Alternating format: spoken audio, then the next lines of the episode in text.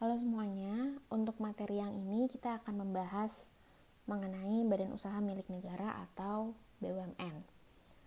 Dasar hukum BUMN sendiri adalah Undang-Undang Nomor 19 Tahun 2003 tentang Badan Usaha Milik Negara beserta dengan peraturan pelaksananya tentunya termasuk peraturan pemerintah nomor 44 tahun 2005 tentang tata cara penyertaan dan penata usahaan modal negara pada badan usaha milik negara dan perseroan terbatas sebagaimana diubah terakhir dengan peraturan pemerintah nomor 72 tahun 2016.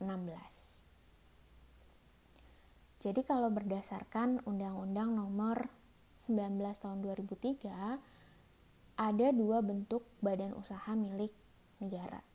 Yang pertama perusahaan perseroan, yang kedua perusahaan umum. Perusahaan perseroan atau yang selanjutnya disebut persero adalah badan usaha milik negara yang berbentuk perseroan terbatas yang modalnya terbagi dalam saham yang seluruh atau paling sedikit 51% sahamnya dimiliki oleh negara Republik Indonesia yang tujuan utamanya mengejar keuntungan. Ingat ya, ada dua kata kunci di sini. Yang pertama, seluruh atau paling sedikit 51% sahamnya. Yang kedua, dimiliki oleh negara Republik Indonesia. Jadi, bukan oleh Menteri BUMN, tapi oleh negara Republik Indonesia Menteri BUMN itu hanya perwakilan negara Republik Indonesia. Jadi pemegang sahamnya adalah negara Republik Indonesia. Menteri BUMN hanya sebagai perwakilan. Kemudian untuk menjadi persero itu harus setidaknya 51% sahamnya dimiliki oleh negara Republik Indonesia. Bentuk yang kedua adalah perusahaan umum atau kalau kalian sering dengar perum.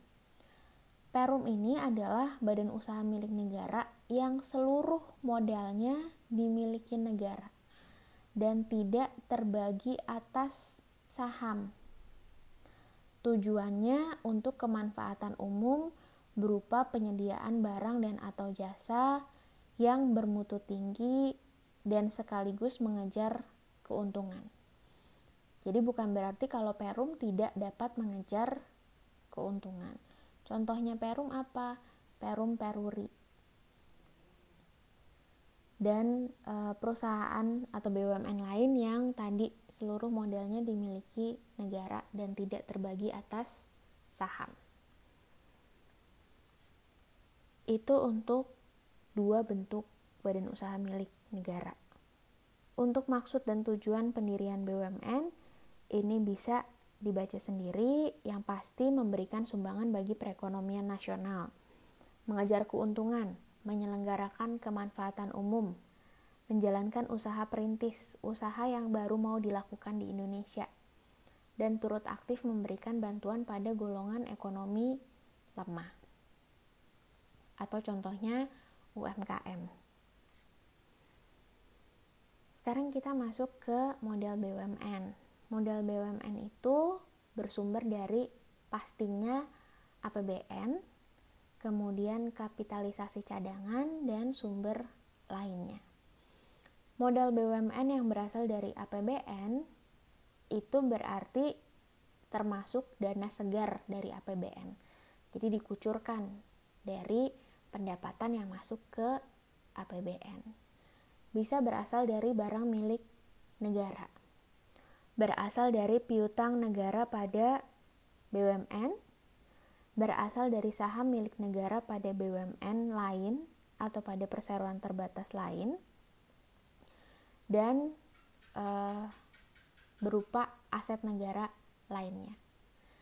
Kalau modal BUMN ini dari APBN, maka pengurangan dan penambahan modalnya ditetapkan dengan peraturan pemerintah harus ada peraturan pemerintahnya. Kita kan sudah membahas pengurangan dan penambahan modal berdasarkan Undang-Undang Nomor 40 Tahun 2007. Nah, untuk badan usaha milik negara ada persyaratan khususnya. Kalau modalnya dari APBN, maka ditetapkan di dalam peraturan pemerintah. Harus ada peraturan pemerintahnya. Kemudian di sini ada berasal dari barang milik negara.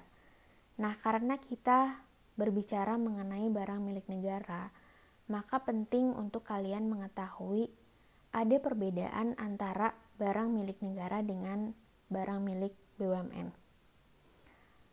Barang milik BUMN itu tidak termasuk barang milik negara. Jadi, waktu kita membahas uh, jenis BUMN, persero itu kan bentuknya perseroan terbatas. Jadi ada pemisahan kekayaan antara pemegang saham negara Republik Indonesia dengan kekayaannya si perseronya. Ini ditegaskan dalam definisi BUMN, bahwa BUMN itu adalah badan usaha yang seluruh atau sebagian besar modalnya dimiliki oleh negara melalui penyertaan secara langsung yang berasal dari kekayaan negara yang dipisahkan. Jadi konsepnya karena persero ini bentuknya perseroan terbatas, kekayaannya terpisah. Jadi barang milik BUMN itu bukan barang milik negara, bahwa peraturan Menteri BUMN mengenai barang milik BUMN itu isinya hampir mirip dengan pengaturan mengenai barang milik negara, misalnya terkait dengan pengalihannya, terkait dengan penghapusannya, itu tidak kemudian menjadikan barang milik BUMN menjadi barang milik negara. Jadi perlu hati-hati. Kekayaannya itu terpisah. Walaupun keuangan BUMN adalah keuangan negara.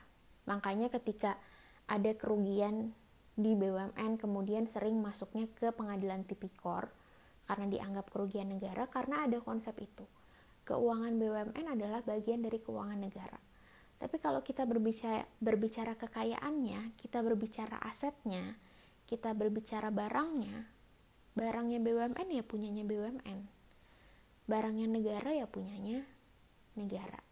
Sertifikat tanahnya Pertamina ya atas nama Pertamina.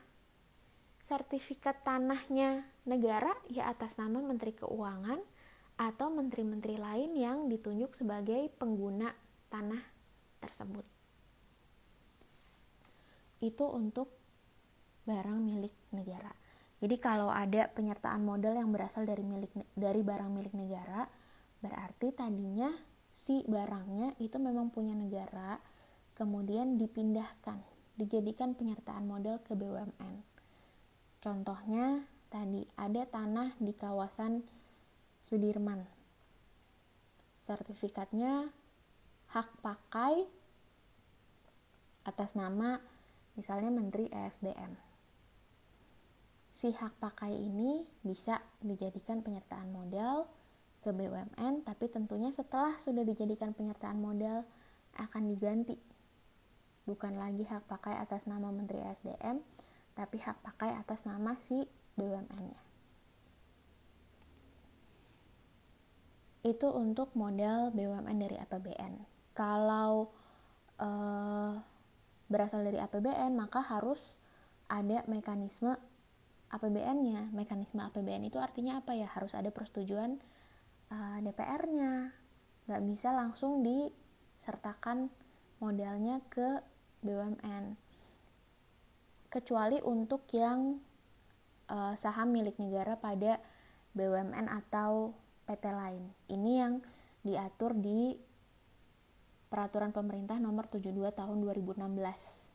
Jadi pembentukan uh, terkait dengan pembentukan BUMN holding terkait dengan pembentukan anak perusahaan BUMN. Kalau kita baca di PP 72 tahun 2016 itu disebutkan uh, untuk yang penyertaan modal yang berupa saham milik negara pada BUMN atau PT lain bisa dilakukan tanpa mekanisme APBN.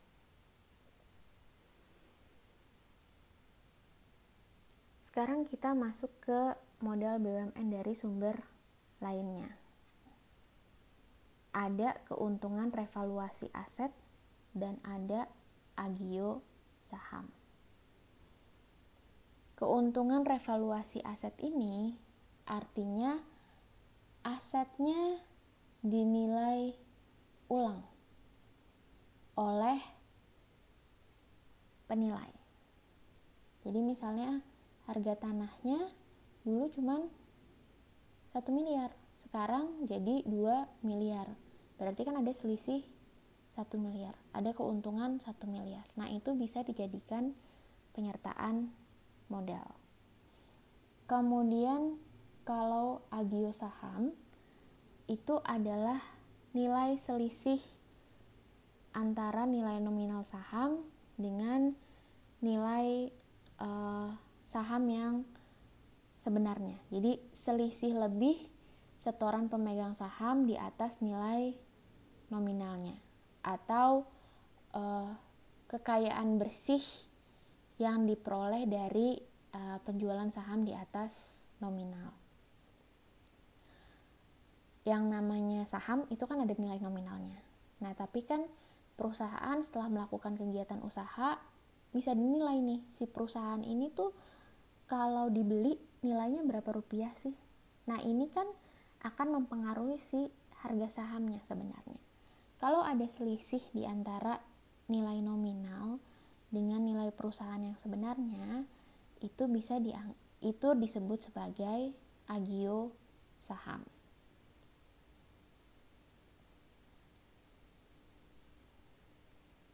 Kemudian selanjutnya kita akan membahas mengenai tata cara penyertaan modal negara. Jadi tadi kalau uh, modalnya berasal dari APBN tentunya harus mengikuti prosedur APBN. Di dalam APBN itu kan secara tahunan akan dianggarkan. Mau ada penyertaan modal sekian ke BUMN X. Dilaksanakannya bagaimana? Nah, dilaksanakannya yang pertama ada pengkajian rencana penyertaan modal antara Menteri BUMN dengan Menteri Teknis. Menteri Teknis itu apa? Menteri di bidang usahanya si BUMN. Jadi kalau PT Kereta Api Indonesia berarti menterinya adalah Menteri Perhubungan. Kalau e, Pertamina berarti menterinya ESDM, Menteri Teknisnya ESDM. Dan karena ini terkait dengan anggarannya negara, harus dikoordinasi oleh Menteri Keuangan. Setelah sudah dikaji rencananya, sudah disusun, diusulkanlah ke presiden. Apabila disetujui, maka akan dikeluarkan peraturan pemerintah. Itu secara garis garis besar tata cara penyertaan modal negara.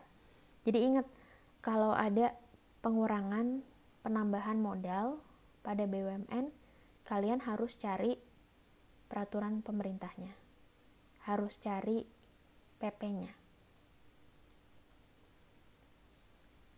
Sekarang kita masuk ke organ BUMN. Untuk organ BUMN Persero, karena tadi Persero adalah perseroan terbatas, maka organnya sama dengan PT. Ada RUPS, direksi, komisaris. RUPS-nya Menteri BUMN bertindak selaku pemegang saham perseroan yang mewakili negara Republik Indonesia. Kalau negaranya cuma punya 51%, berarti akan ada orang lain yang jadi pemegang saham. RUPS-nya ya harus melibatkan si orang lain yang menjadi pemegang saham tersebut. Direksi dan komisaris diangkat oleh RUPS oleh Menteri BUMN kalau seluruh modalnya dimiliki oleh Republik Indonesia. Kalau organ BUMN Perum ini agak berbeda karena kan kalau Perum seluruh modalnya dimiliki oleh negara Republik Indonesia, tidak terbagi atas saham.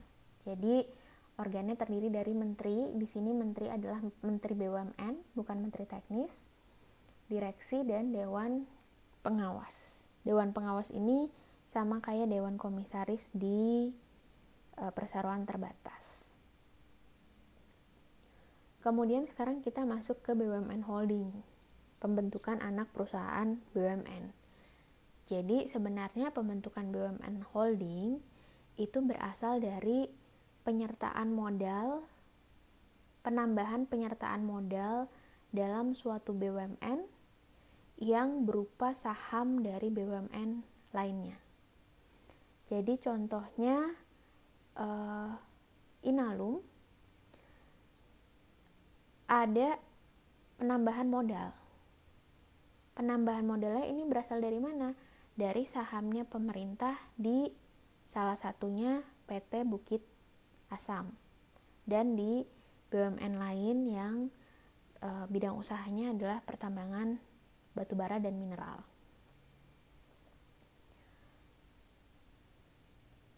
Jadi sebenarnya peraturan pemerintah nomor 72 tahun 2016 ini mengatur penyertaan modal negara yang berupa saham milik negara pada satu BUMN ke BUMN lainnya. BUMN yang sahamnya disertakan ke BUMN lainnya itu otomatis menjadi anak perusahaan BUMN. Jadi tadi Bukit Asam kan saham negaranya dimasukkan ke Inalum. Jadi sekarang Inalum nih pemegang sahamnya Bukit Asam. Nah, Berarti kan di sini Bukit Asam adalah anak perusahaan BUMN. Tapi di dalam PP 72 tahun 2016 itu ada ketentuan bahwa untuk anak perusahaan BUMN negara wajib punya saham istimewa yang diatur di dalam anggaran dasar uh, dan kepemilikan sebagian besar sahamnya tetap harus ada pada BUMN holding. Jadi negara tetap memegang saham istimewa. Kita sudah bahas ya waktu membahas uh, klasifikasi saham. Saham istimewa itu apa? Saham yang punya hak-hak khusus. Bisa punya veto, bisa punya hak untuk mengangkat atau mencalonkan direksi dan komisaris dan lain sebagainya. Kemudian poin selanjutnya adalah kekayaan negara yang dijadikan penyertaan modal pada BUMN akan bertransformasi menjadi saham pada BUMN lain dan menjadi kekayaan BUMN tersebut. Jadi tadi sahamnya Bukit Asam, kan tadinya nih Bukit Asam sama Inalum sama-sama BUMN. Sahamnya Bukit Asam itu berarti asetnya negara. Nah sekarang sahamnya disertakan ke Inalum, sahamnya Bukit Asam disertakan ke Inalum. Bukit Asamnya turun statusnya jadi anak perusahaannya Inalum. Sahamnya tadi yang punya negara yang ada di Bukit Asam sekarang jadi asetnya Inalum karena sudah dipindahkan ke Inalum. Supaya gampang, bayanginnya tadinya negara punya tanah A sama punya tanah B. Tanah A-nya terus disatuin sama tanah B sertifikatnya jadi cuma satu kan nah ini juga begitu jadi terkumpul di Inalum di bawahnya ada Bukit Asam kepemilikan atas saham pada BUMN itu dicatat sebagai investasi jangka panjang. Kemudian anak perusahaan BUMN dapat menerima penugasan atau mendapatkan kebijakan khusus tertentu. Jadi, kalau tadi memenuhi persyaratan satu, negara tetap punya saham istimewa. Dua, sebagian besar sahamnya anak perusahaan BUMN dimiliki oleh BUMN Holding. Maka si anak perusahaan BUMN ini dapat menerima penugasan dan kebijakan khusus. Kalau penugasan itu berarti dia melakukan kegiatan usaha yang ditugaskan oleh pemerintah dan dia bisa mendapatkan subsidi. Misalnya, PT KAI ditugaskan untuk mengelola uh, kereta api rute Bandung Pangandaran. Rute ini sebenarnya kurang komersial, tapi harus ada karena banyak mobilitas antara Bandung dengan Pangandaran. Jadi kalau melakukan atau mengoperasikan jalur ini, KAI pasti rugi. Nah, untuk menutup kerugian tersebut akan diberikan subsidi untuk menutup uh, biaya operasionalnya. Jadi tiketnya bisa harga normal, nggak harus dimahalin karena ada subsidi dari uh, pemerintah. Nah itu keuntungannya penugasan. Kalau di Undang-Undang BUMN yang bisa menjalankan penugasan itu sebenarnya hanya BUMN. Tapi di PP 72 2016 ini tiba-tiba ditambahin anak perusahaan BUMN juga bisa menjalankan penugasan. Kemudian untuk kebijakan khusus, contohnya yang namanya BUMN kalau mau menunjuk pihak ketiga, mau melakukan kerjasama, itu harus melakukan tender. Tapi di Perpres nomor 44 tahun 2016 sama peraturan direksinya PLN itu disebutkan PLN boleh menunjuk langsung kalau yang ditunjuk langsung itu adalah anak perusahaannya. Jadi nggak harus pakai mekanisme tender. Sama dengan Permen nomor 3 tahun 2017 sudah diubah juga. Di sini juga disebutkan bahwa kerjasama itu harus mengutamakan sinergi BUMN dan atau anak perusahaan BUMN jadi anak perusahaan BUMN diutamakan. Di permen pengadaan barang dan jasanya BUMN juga sama. Ini permennya sudah diubah di tahun 2019 atau 2020 jadi bukan lagi permen 5 2012 tapi ada yang baru. Tapi sama. Anak perusahaan BUMN itu boleh ditunjuk langsung. Itu untuk kebijakan khusus bagi anak perusahaan dan mengakhiri materi terkait BUMN. Jadi selain materi perkuliahan ini, tolong dibaca juga Undang-Undang Nomor 19 Tahun 2003 dan Peraturan Pemerintah Nomor 72 Tahun 2016. Itu untuk materi mengenai BUMN.